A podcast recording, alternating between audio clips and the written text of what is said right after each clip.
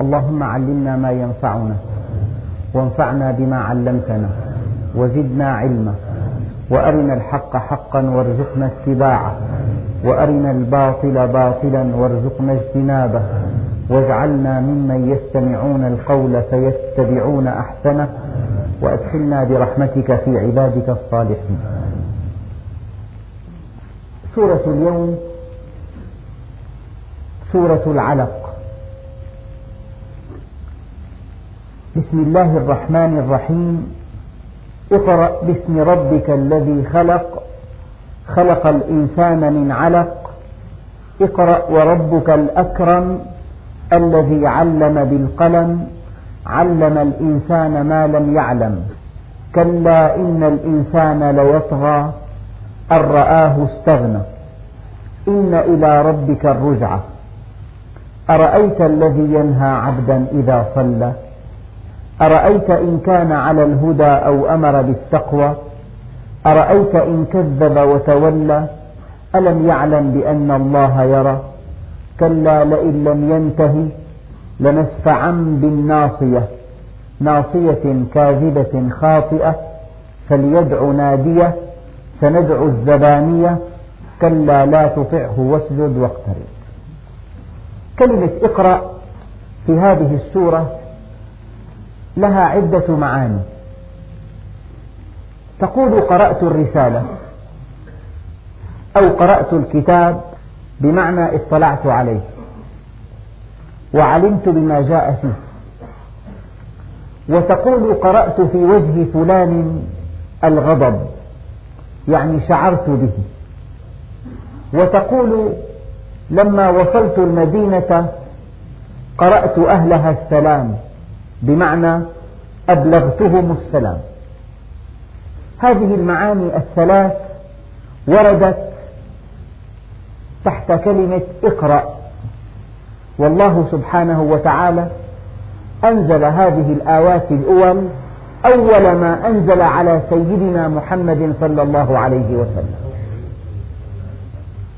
كان عليه الصلاة والسلام تأتيه الرؤيا الصادقة. فهي كسبق الصبح ثم كان يتعبد ربه في غار حراء. الليالي ذوات العدد ثم جاءه الوحي في غار حراء. ما الشيء الذي نستنبطه نحن وهو متعلق بنا من هذا الكلام؟ يعني هل لأحدنا ساعة يخلو بها مع ربه؟ هل لأحد منا ساعة يتأمل فيها ملكوت السماوات والأرض؟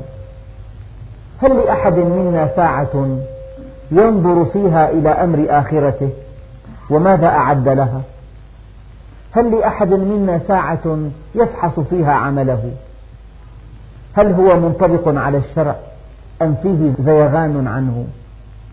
هل لأحدنا ساعة يفحص فيها نواياه؟ هل هو مخلص في أعماله؟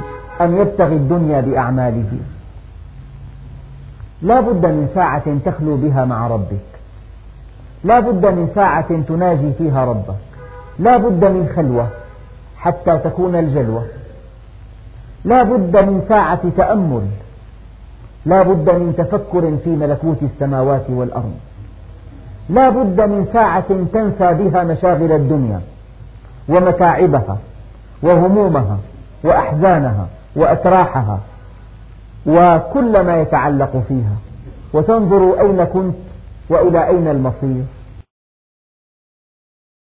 إن كان المؤمن له مثل هذه الساعات فلهذه الساعات ما وراءها. ولهذه الساعات ما بعدها. ولهذه الساعات العطاء الكريم من الله عز وجل.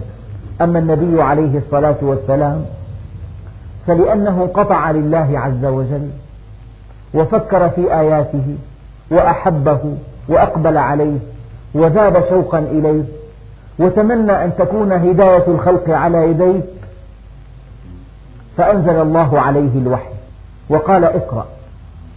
الرؤيا الصادقة أولا كما قالت السيدة خديجة ثم يتحنث الليالي ذوات العدد في غار حراء ثم جاءه الوحي بعد أن استوى. اقرأ باسم ربك الذي خلق. يعني بلغ يا محمد هذا الذي سيتنزل عليك للخلق كافة. أنت رسول الله. أنت إذا بلغت الخلق فباسمي. أنت رسولي. اقرأ باسم ربك الذي خلق. أحيانا يتكلم السفير باسم دولته. إذا رفض شيئا أو أقر شيئا أو أثنى على شيء أو ندد بشيء فهذا ليس باسمه الشخصي إنما هو باسم دولته التي اعتمدته سفيرا. ولله المثل الأعلى. اقرأ باسم ربك يعني بلغ يا محمد ما سيتنزل عليك من ربك. إذا أنت الرسول وأنت النبي وأنت المرسل الذي إذا تكلمت فإنما تتكلم باسمي. ربنا عز وجل يقول والنجم إذا هوى ما ضل صاحبكم وما غوى وما ينطق عن الهوى إن هو إلا وحي يوحى. ما ضل وما غوى.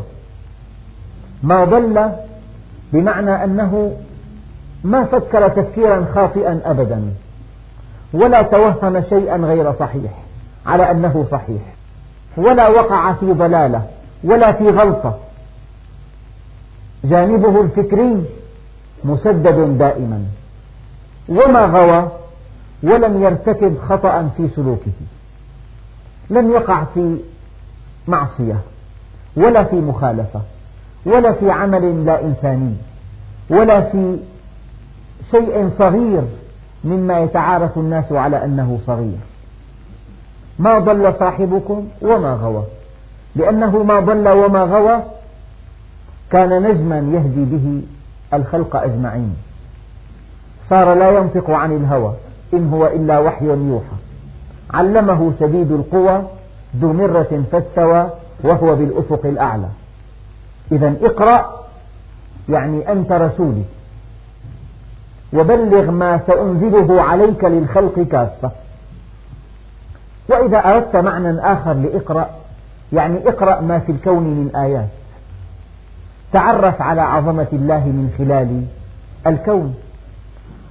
وفي كل شيء له آية تدل على أنه واحد. لو أنك جلست إلى المائدة صباحا وتأملت في صحونها صحنا صحنا لوصلت إلى الله من دون أن تشعر.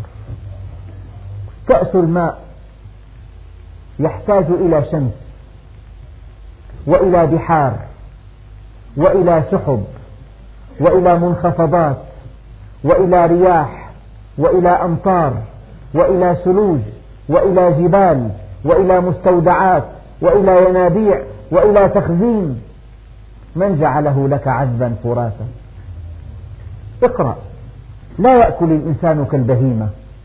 إذا نظرت إلى ابنك إنك تعلم علم اليقين أنه من نطفة لا ترى بالعين من ماء مهين تستحيي به. ومع ذلك صار طفلا يرى ويسمع ويفكر. تسأله فيجيب.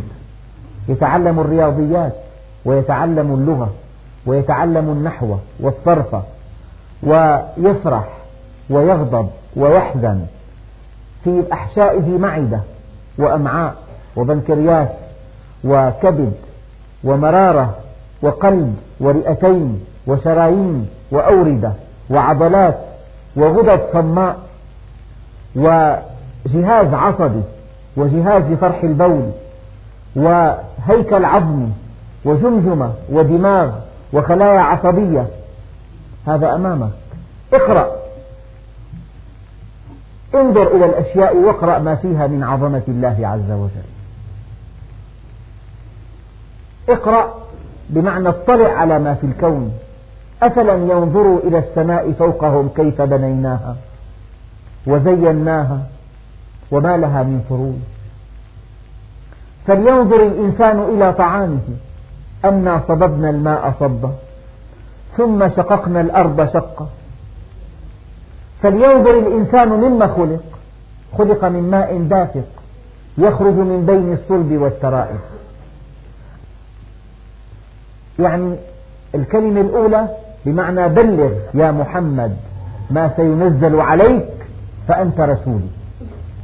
المعنى الثاني اقرأ أو تابع القراءة لأن التفكر أعظم عبادة. الإنسان عليه أن يقف عند كل شيء. النبي عليه الصلاة والسلام يقول أمرني ربي بتسع خشية الله في السر والعلانية كلمة العدل في الغضب والرضا القصد في الفقر والغنى.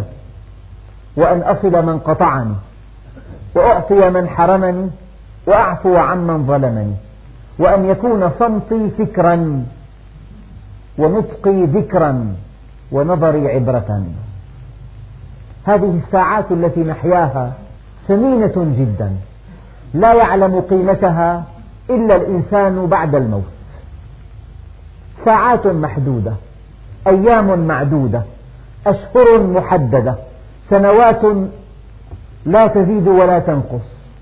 فهنيئا لمن عرف الله في هذا العمر القصير وسعد بقربه إلى أبد الآبدين والويل لمن ضيع وقته في سفاسف الدنيا وفي ترهاتها وفي القيل والقال وكثرة السؤال وإضاعة المال. اقرأ باسم ربك هذا يؤكد أن النبي عليه الصلاة والسلام رسول الله. من أحبه فقد أحب الله. ومن أكرمه فقد أكرم الله. ومن تبع سنته فقد تبع أمر الله. ومن أرضاه فقد أرضى الله. هو وخلفاؤه من بعده. إذا أكرم أحدكم أخاه فإنما يكرم ربه. فكيف إذا كرمت النبي عليه الصلاة والسلام؟ إذا عزرته ونصرته ووقرته واتبعت سنته سنته وأحييتها ورفعتها بين الناس فهذا محبة وتعظيم لله عز وجل. اقرأ باسم ربك. هاي معنى كلمة باسم.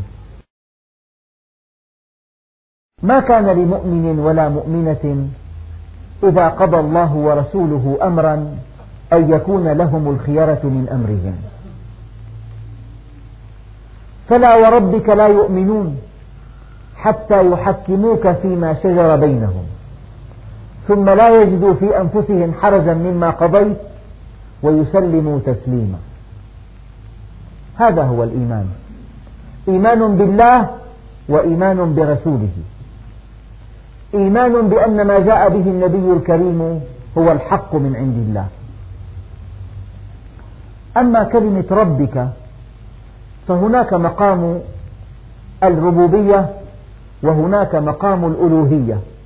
ولا بد من أن تعرف الله خالقا وأن تعرفه مربيا وأن تعرفه مسيرا.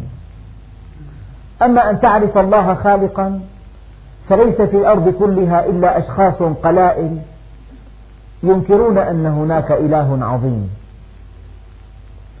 فإنكار الوجود قليل ولكن الإيمان المطلوب لا أن تؤمن بالله خالقا فحسب بل أن تؤمن به مربيا وأن تؤمن به مسيرا. هناك مقام الخلق ومقام الربوبية ومقام الألوهية. فالنبي عليه الصلاة والسلام بقوله تعالى اقرأ باسم ربك شهادة من الله عز وجل على أنه عرف ربه واتخذ الله ربه. هناك فرق بين عرفه ربا واتخذه ربا. عرفه ربا أي أن الله سبحانه وتعالى بعد أن خلق الخلق أمدهم بالحياة وأمدهم بالغذاء وأمدهم بالماء وأمدهم بالهواء وأمدهم بالطعام والشراب وخلق لهم كل شيء. فالله خالق وهو رب بمعنى ممد. والنبي عليه الصلاة والسلام لماذا اختاره الله عز وجل رسولا؟ لأنه عرف ربه. لم يقل اقرأ باسم رب العالمين اقرأ باسم ربك. حينما أضيفت كلمة رب إلى كاف الخطاب فهذا دليل على أن النبي عليه الصلاة والسلام قد عرف الله ربا. اقرأ باسم ربك. وهذا سؤال لنا. هل عرفنا الرب؟ أساس الدين. هل ترى أنه بسعيك تأكل وتشرب؟ وأن الله سبحانه وتعالى خلق الخلق وكفى. وتركهم لبعضهم بعضا. يأكل قويهم ضعيفهم. أم أن الله سبحانه وتعالى خالق كل شيء وهو على كل شيء وكيل؟ له الخلق وله الأمر. إليه يرجع الأمر كله فاعبده وتوكل عليه. ما لكم من دونه من ولي ولا يشرك في حكمه أحدا. هذه الآية تكفي. ما لكم من دونه من ولي. ولا يشرك في حكمه أحدا. يعني تولي أمر الخلق لا يشرك الله معه أحد. أبدا. فلذلك ربنا عز وجل قال اقرأ باسم ربك الذي خلق. من هو ربك الممد؟ هو الذي خلق. خلق ماذا؟ بلا مفعول به. يعني خلق كل شيء. بدءا من المجرات. بعض المجرات يبعد عنا ثمانية عشر ألف مليون سنة ضوئية. وبعض النجوم أكبر من شمسنا بثلاثين مليون مرة. من شمسنا. وبعض النجوم يتسع للشمس والأرض مع المسافة بينهما. الذي خلق. الذي خلق هذه المجرات. التي لا يعلم عددها إلا الله. تقدير أولي مليون مليون مجرة. ولا يعلم إلا الله كم في المجرة من نجوم وكواكب. تقدير أولي عشرة آلاف مليون نجم بكل مجرة.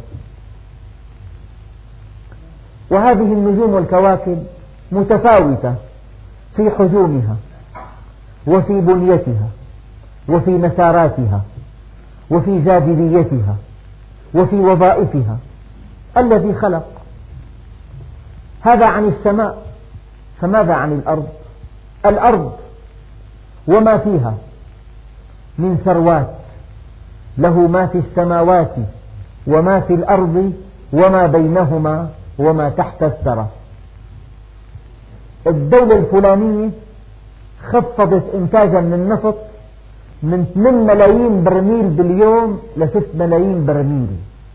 كل يوم ما هذه المستودعات؟ كم حجمها؟ إلى في احتياطي لآخر القرن هذه. استهلاك النفط بشكل متزايد. وكل بئر من هذه الآبار ينتج ملايين البراميل يوميا. اقرأ باسم ربك الذي خلق. خلق ما في الأرض من ثروات من معادن. فلزات الحديد من خلقها. مناجم النحاس من خلقها. مناجم المعادن المختلفة من خلقها؟ الفوسفات من خلقها؟ الفحم الحجري. الفحم الحجري أحيانا يستمر المنجم مئتا كيلو متر هذا المنجم. اقرأ باسم ربك الذي خلق. خلق ما تحت الثرى. من معادن من ثروات من طاقة وما على الأرض من جبال. هذه الجبال التي لا يعلم عددها إلا الله. أعلى جبل على وجه الأرض لا يزيد لو مثل على كرة قطرها متر لا يزيد سنتيمتر واحد. وأعمق نقطة في سطح البحر لو مثلت على كرة قطرها متر لا تزيد عن سنتيمتر آخر. كل هذه المرتفعات وهذه المنخفضات وهذه البحار أربعة أخماس الأرض بحر. في بعض الأماكن عمق البحر 12 ألف متر يعني 12 كيلومتر. أنواع الأسماك تزيد عن مليون نوع مليون. بعض الأسماك تعيش في قاع البحار. وفي قاع البحار ظلام دامس هذه الأسماك يتألق في ظهرها مصباح كهربائي. ينير لها دائرة قطرها ثلاثون مترا.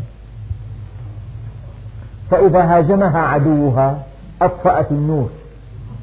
تختفي. الذي خلق. بعض الأسماك كإناء الزهر. شكل إناء. يخرج من هذا الإناء يعني خطوط واستطالات جميلة. هذه سمكة. إذا مرت فوقها سمكة تخدرها وتفترسها وهي كإناء الزهور. اقرأ باسم ربك الذي خلق. الحوت 130 طن. في لحم ما يعادل 50 طن. وفي 50 طن دهن 90 برميل زيت وجبته المعتدلة أربعة طن. ويرضع وليده حليبا ثلاث مرات يوميا في كل مرة 300 كيلو. مجموع ألف كيلو. الذي خلق اقرأ باسم ربك الذي خلق خلق الحيتان وخلق الأسماك وخلق الأسماك المتوحشة. كسمك القرش. وخلق الأسماك الجميلة أسماك زينة من أجل أن تستمتع بها. بأحواض الأسماك في أنواع لا يعلمها إلا الله من أجمل ما خلق الله. الذي خلق فإذا ذهبت إلى الحيوانات بعضها مذلل. الجمل والغنم والماعز والبقر حيوانات مجترة. خلقت من أجل أن تستفيد من لحمها ووبرها وصوفها ولبنها. إذا لا بد لها من أن تأكل من أن تأكل كثيرا. إذا هي حيوانات مجترة تأكل طوال النهار.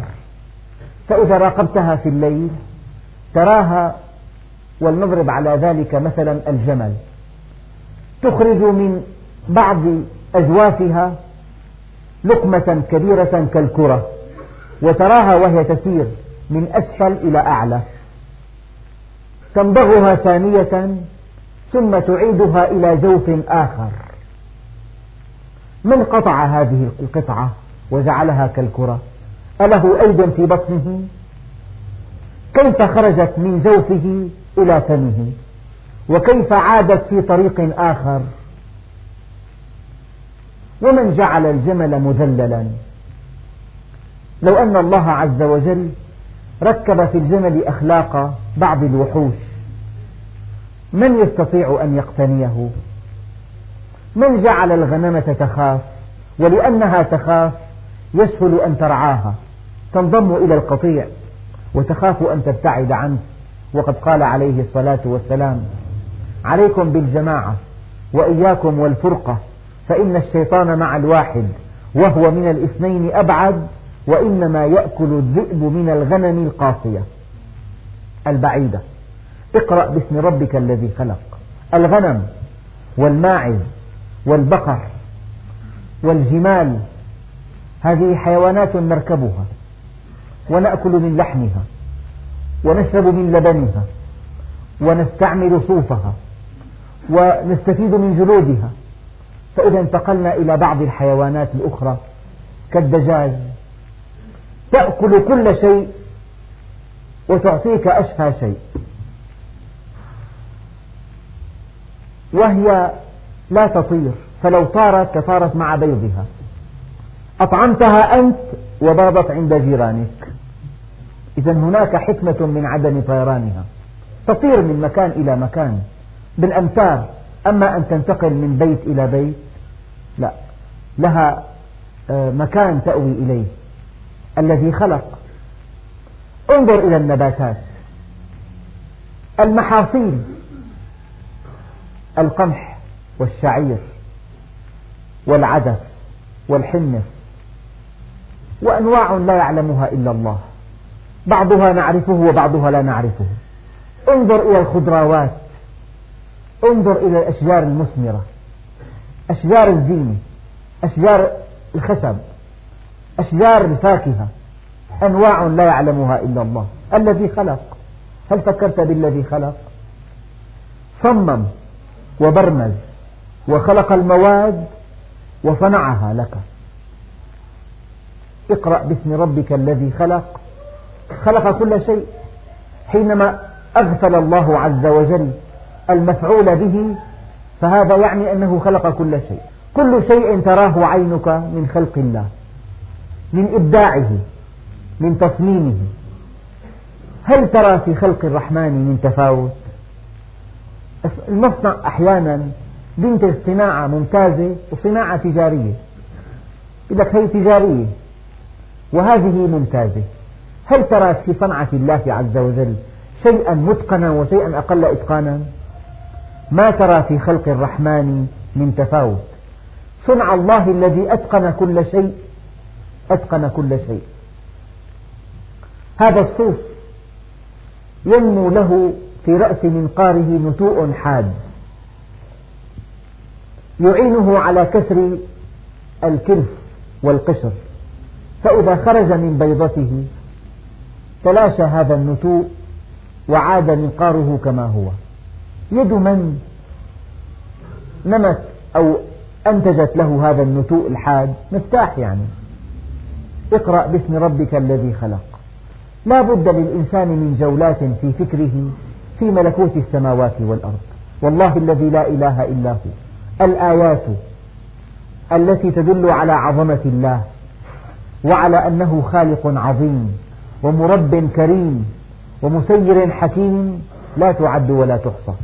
ربنا سبحانه وتعالى يقول وفي الأرض آيات للموقنين. آيات. كأس الماء آية. قطعة الجبن آية. الزيتون آية. التين آية. العنب آية. هل تستطيع أن تشد عنقود العنب شدا؟ لا تستطيع. إلا أن تحركه حركة خاصة. له مفصل. لولا هذا المفصل لو هب النسيم شديدا أو الهواء شديدا لسقط كل ما على الكروم على الأرض. ولكن الخالق الحكيم جعل لهذا العنقود ذنبا محكما متينا. لا يفصل عن أمه إلا بحركة معاكسة لاتجاهه. تصميم من هذا؟ من جعل للبطيخ قشرة سميكة.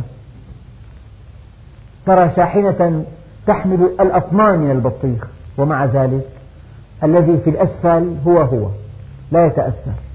هناك تصميم هناك إعداد هناك لكل ظرف معين شيء يواجهه. اقرأ باسم ربك الذي خلق خلق الإنسان. الله سبحانه وتعالى في الآية الأولى عمم الخلق. ثم خص بالخلق الإنسان لأنه مكرم عند الله عز وجل. ولقد كرمنا بني آدم وحملناهم في البر والبحر ورزقناهم من الطيبات وفضلناهم على كثير ممن خلقنا تفضيلا. اقرأ باسم ربك الذي خلق خلق الإنسان من علق. العلق يعني قطعة من الدم متجمدة. البويضة تكون في المبيض. يدخل إلى الرحم في اللقاء الزوجي ما يزيد عن 250 مليون حيوان منوي. 250 مليون حيوان منوي. تنتقل بويضة أقوى هذه الحيوانات. وتفتح له بابا صغيرا فيدخل. فإذا دخلت أغلقت الباب وردت كل الخاطبين انتهى لقحت البيضة. تسير هذه البيضة من المبيض إلى الرحم في عشرة أيام أو ثمانية. تنقسم إلى عشرة آلاف قسم. ولا يزيد حجمها. يكون الرحم قد هيأ لها فراشا وثيرا وغذاء غنيا. فإذا علقت في جدار الرحم تسمى علقة. علقة. لأنها تعلق به وتمد جذورها إليه لتمتص الغذاء وأنواع ما يقيم به نموها هذا معنى علق خلق الإنسان من علق هذه الخلية التي انقسمت أين العينان فيها؟ أين الأذنان؟ أين اللسان؟ أين القلب؟ أين الرئتان؟ أين المعدة؟ أين الأمعاء؟ أين الهيكل العظمي؟ أين العضلات؟ أين الدماغ؟ أين الشعر؟ أين الجهاز البولي؟ أين الجهاز التناسلي؟ أين الأصابع؟ أين الأظافر؟ علقة خلية منقسمة لو لم يكن هناك إله عظيم لنمت ونمت وصارت قطعة من اللحم فقط. متجانسة كيف اتجهت هذه الخلايا فشكلت القلب؟ وهذه الخلايا شكلت الدماغ. وهذه الخلايا صارت نسيجا عظميا قاسيا. من أعطى العظام شكلها؟ وطولها وحجمها وقوامها؟ من جعلها قاسية؟ من كيف اتجه قسم من هذه الخلايا؟ فصار عضلات. عضلات وأمعاء ومعدة ورأس. ألم نجعل له عينين؟ خلق الإنسان من علق. قد يسأل سائل كيف أفكر في آيات الله؟ نقول له فكر بالشيء وأصله. وفكر بالشيء وعدمه. وفكر بالشيء وخلاف ما هو عليه. قد يقول هذا السائل من أين أتيت بهذه القواعد؟ أهي من عندك؟ أقول لا من الله عز وجل. قل أرأيتم إن جعل الله عليكم الليل سرمدا إلى يوم القيامة؟ من إله غير الله يأتيكم بنهار؟ فكر في الشيء وخلاف ما هو عليه. هناك ليل ونهار. فكر لو أن النهار طال وصار سبعين ساعة. فكر لو أن النهار قصر وصار ساعة. فكر لو أن الليل استمر كما هو في القطب ستة أشهر. أو النهار كذلك. هذا الشيء وخلاف ما هو عليه. باب واسع من أبواب التفكير. والله سبحانه وتعالى حضنا عليه. هي قاعدة أولى. فكر بالعين لو أنها في مكان آخر لو أنها في الصدر أو في الظهر أو خلف الرأس لو أن هناك عينا واحدة ترى بها الأبعاد الثنائية لا الثلاثية. فكر في هذا. فكر بالشيء وخلاف ما هو عليه. هذا باب من أبواب التفكير. فكر بالشيء وعدمه. قل أرأيتم إن أصبح ماؤكم غورا فمن يأتيكم بماء معين؟ تصور الشام بلا ماء. ما قيمة هذه الطوابق العالية؟ من يسكنها ما قيمة هذه المدينة التي تتسع لولا نبع الفيجة؟ قل أرأيتم إن أصبح ماؤكم غورا فمن يأتيكم بماء معين؟ هذا الشيء وعدمه. هذا باب آخر. وهناك آيات كثيرة تحضنا على التفكير بالشيء وعدمه. والشيء وخلاف ما هو عليه والشيء وأصله. خلق الإنسان من علق شخصية ذكاء إبداع محاكمة ذاكرة تصور إحساس انفعال خبرات تجارب. شكل قويم خلق معدل من علق. خلق الإنسان من علق. هذا الإنسان الكامل الذي يتحرك ويسمع ويبصر ويشم ويتذوق ويتكلم ويعبر عن أفكاره وعن انفعالاته ويستمتع ويغضب ويحزن ويضحك ويبكي ويأكل ويشرب ويتنفس خلق الإنسان من علق. هذا أصله. وأنه خلق الزوجين الذكر والأنثى من نطفة إذا تمنى. فإذا أردت أن تفكر صباحا في آيات الله عز وجل واخترت آية من هذه الآيات ولتكن العين مثلا فكر في إنسان بلا بصر. لو أن الله عز وجل خلقنا بلا عينين. ما قيمة الألوان؟ ما قيمة الأزهار؟ ما قيمة الأطيار ما قيمة الزوجة؟ ما قيمة الجمال كله لولا هاتين العينين؟ فكر بالشيء وعدمه وفكر بالشيء وأصله. علقة تصبح عينا فيها قرنية من خمس طبقات وقزحية تتحرك آليا. تصغر وتكبر بحسب شدة الضوء. فيها جسم باللوري ينضغط ويتقلص بحسب بعد الشيء المنظور. وفيها عضلات هدبية فيها مائع زجاجي وفيها خلط مائي بنسب مركزة وفيها شبكية فيها 130 مليون نقطة دم تصبح هذه العين. وهذه العين ترى الشيء بحجمه الحقيقي ترى الجبل جبلا صور جبلا بآلة تصوير تراه هكذا الجبل على كرت ثمانية بعشرة ثمانية بستة. أما العين ترى فيها الجبل جبلا بحجمه الحقيقي. إذا أردت أن تفكر في آيات الله وجلست بعد صلاة الصبح للتفكر وهو أرقى عبادة اختر آية وفكر فيها من زوايا ثلاث. الشيء وعدمه كقوله تعالى قل أرأيتم إن جعل ماءكم غورا فمن يأتيكم بماء معين؟ إن أصبح ماؤكم غورا. والشيء وخلاف ما هو عليه قل أرأيتم إن جعل عليكم النهار سرمدا إلى يوم القيامة؟ من إله غير الله يأتيكم بليل؟ أفلا تعقلون؟ خلاف ما هو عليه. والشيء وأصله خلق الإنسان من علق. الإنسان العظيم خلقه من علق. كل أب له أولاد يعرف تاريخ هذا الابن. قالت له إني حامل زوجته. يعني انقطعت عنها الدورة الشهرية. بعد أشهر كبر بطنه بعد تسعة أشهر وضع غلام. لا يتكلم ولا يمشي ولا يفكر.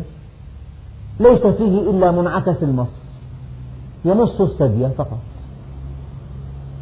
يعني غلام ولد من توه وأمسكته القابلة لتغسله. جاء طرف خنصرها على فمه فجعل يمصه. من علمه؟ الآن نزل. كان يأخذ الغذاء من سرته. من علمه المص الله سبحانه وتعالى. هذه الحيوانات كلها من هداها إلى طعامها وشرابها وبناء عشاشها الله سبحانه وتعالى. إذا اقرأ باسم ربك الذي خلق خلق الإنسان من علق. اقرأ وربك الأكرم. هذا الرب العظيم الذي خلق وهو الرب هو الأكرم الكريم الشيء النادر الشيء العزيز والكريم المنزه عن كل نقص والكريم المحسن معان ثلاث تجمعها كلمة كريم لكن الله عز وجل يقول اقرأ وربك الأكرم أكرم من ماذا؟ أكرم من أي شيء؟ هل يعقل أن يوازن خالق بمخلوق؟ قال بعض المفسرين اقرأ وربك الأكرم مهما تعرفت إليه فهو أكرم. مهما عرفت عن كماله فهو أكمل. مهما عرفت عن وحدانيته لا شيء مثله لا شيء قبله ولا شيء بعده. هو القديم هو الأبدي السرمدي. ليس كمثله شيء. هذا من حيث المعنى الأول. أما المعنى الثاني مهما تعرفت إلى صفاته أسمائه الحسنى فالله عز وجل أعظم من هذا. أكرم. مهما تعرفت إلى إحسانه فهو أشد إحسانا. اقرأ وربك الأكرم. لذلك المؤمن لماذا يسعد بالله عز وجل؟ مهما عرفت عنه فهو أكبر من ذلك. أما الإنسان إذا تعرف إلى شيء وأحاط به مل منه.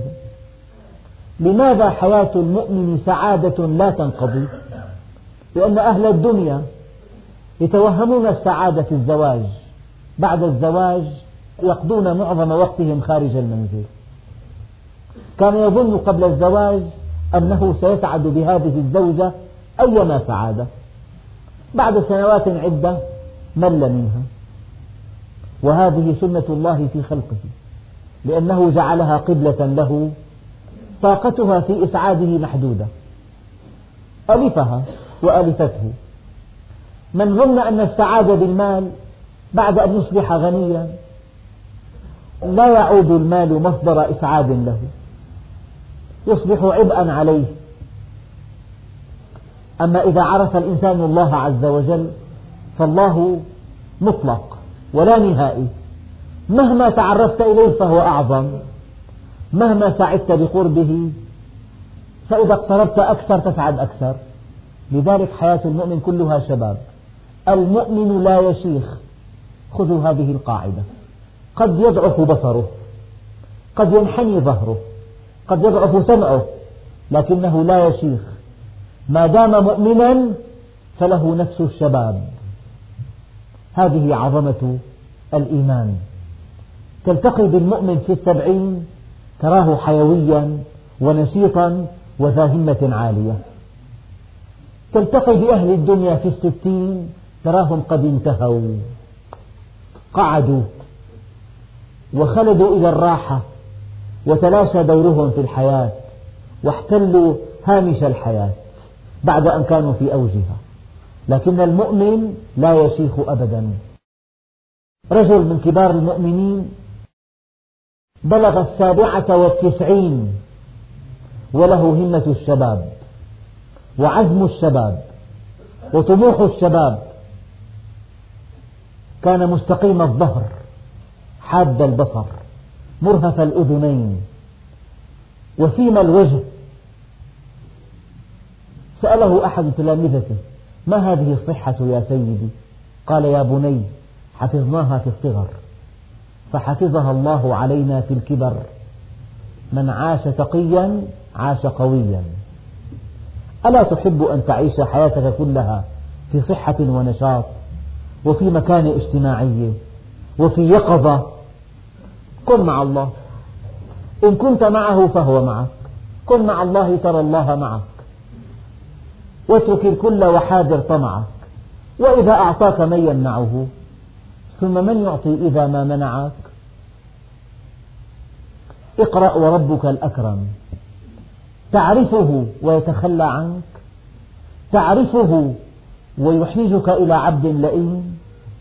تعرفه وتخرف في خريف العمر؟ حاشا لله من تعلم القرآن متعه الله بعقله حتى يموت. أكثر من حادثة سمعتها في الأشهر الماضية أن المؤمن يقبضه الله إليه قبضا يسيرا. لا يكون على أهله ثقيلا. بكرامته على الله عز وجل. يخطف كما يقال خطفا. يترك أثرا بليغا. لو, لو أن الله أراد تأديبه لأقعده في الفراش ثلاثين عاما.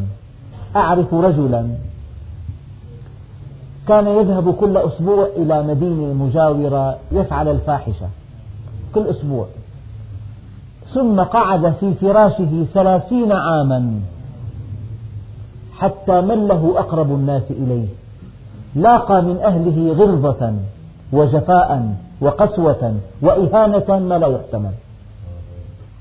من تعلم القرآن متعه الله بعقله حتى يموت متعه بصحته متعه بقوته متعه بسمعه متعه ببصره. هذه بعض عطاءات الله عز وجل للمؤمن. كريم على الله الناس رجلان. تقي بر تقي كريم على الله وفاجر شقي هين على الله. يعني إذا أردت أن تحب نفسك فأحب الله. إذا أردت أن تحب نفسك فاستقم على أمر الله. تعش حميدا وسعيدا وتنقلب إلى الله رشيدا. اقرأ وربك الأكرم الذي علم بالقلم علم الإنسان ما لم يعلم. يعني كما قلت لكم في الدرس الماضي أن بذرة أزهار أو أي بذرة من البذار التي تلقى في الأرض فتنبت فيها محفظة تعليمات هذه التعليمات لو أخذنا الليمون مثلا بذرة الليمون هذه التي تلقيها في سلة المهملات. إن رأيتها في صحن السلطة تزيحها جانبا وتلقيها في سلة المهملات. هذه البذرة فيها محفظة فيها أكثر من خمسة آلاف مليون أمر. بعض هذه الأوامر يحدد هيكل الشجرة بعض هذه الأوامر يحدد لون خشبها نوع خشبها أملس في عقد كالزيتون أم أملس بعض هذه الأوامر يحدد سخن جذعها. بعض هذه الأوامر يحدد نوع أغصانها. بعض هذه الأوامر يحدد شكل ورقها ولون ورقها وخطوط الورق وحجم الورق. وبعض هذه الأوامر يحدد نوع الزهر ومتى يزهر وكيف يزهر قبل الورق أم بعد الورق. وبعض هذه الأوامر يحدد نوع الفاكهة ولونها وحجمها. وتصميمها وهيكلها وعددها خمسة آلاف مليون أمر. الله عز وجل علم بالقلم آية واسعة جدا. الإنسان لما تصيب يده جمرة يزيحها سريعا ما الذي حصل؟ هناك أعصاب حس تلقت الإحساس بالحر والحرق. هذا الإحساس انتقل إلى العمود الفقري. في العمود الفقري أمر جاهز بإبعاد اليد إذا أصابها حريق. إذا أنت مالك منتبه يدك على الطاولة وإنسان في يده دخينة ولامس رأسها طرف يدك. دون أن تشعر تسحبها سريعا. من نقل هذا الإحساس إلى حركة؟ في خط مرسوم جاهز بالنخاع الشوكي يسموه المنعكس الشرطي لما الإنسان يتعلم مصلحة كل كل مؤثر له استجابة.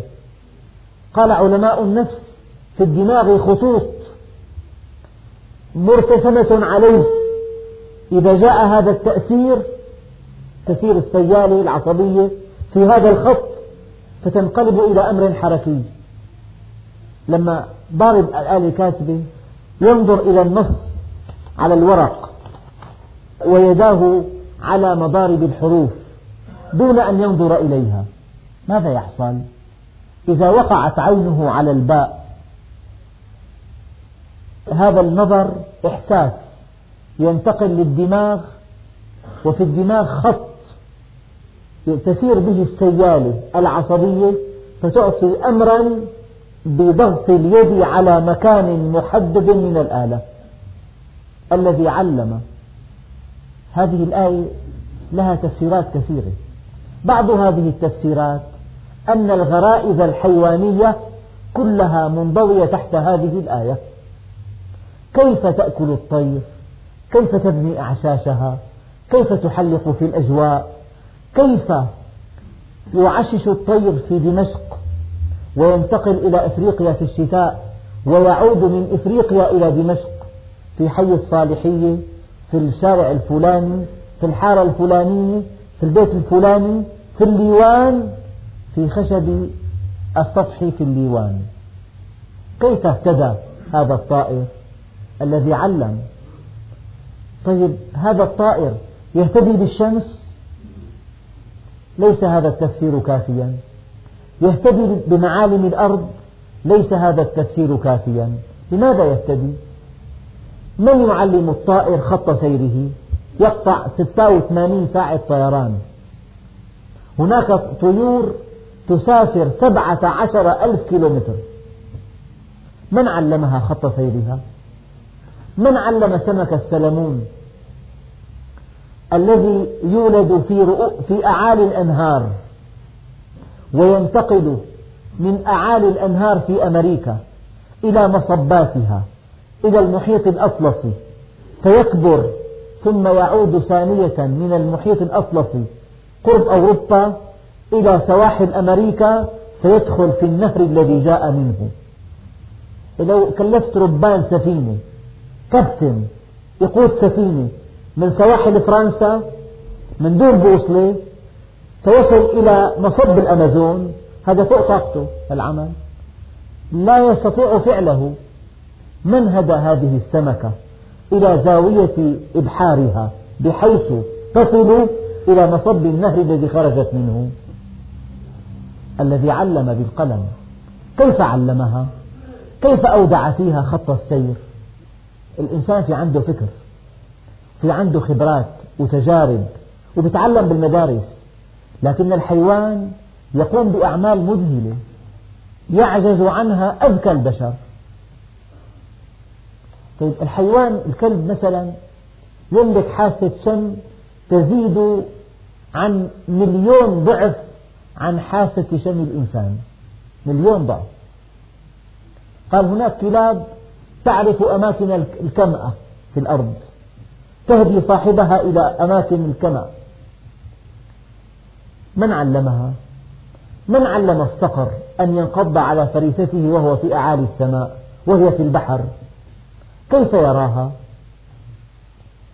اقرأ وربك الأكرم الذي علم بالقلم المعنى الآخر أن هذه اللغة نعمة كبرى اللغة وكتابتها وقراءتها وانتقال الكتب من جيل إلى جيل هو سبب في نقل المعارف.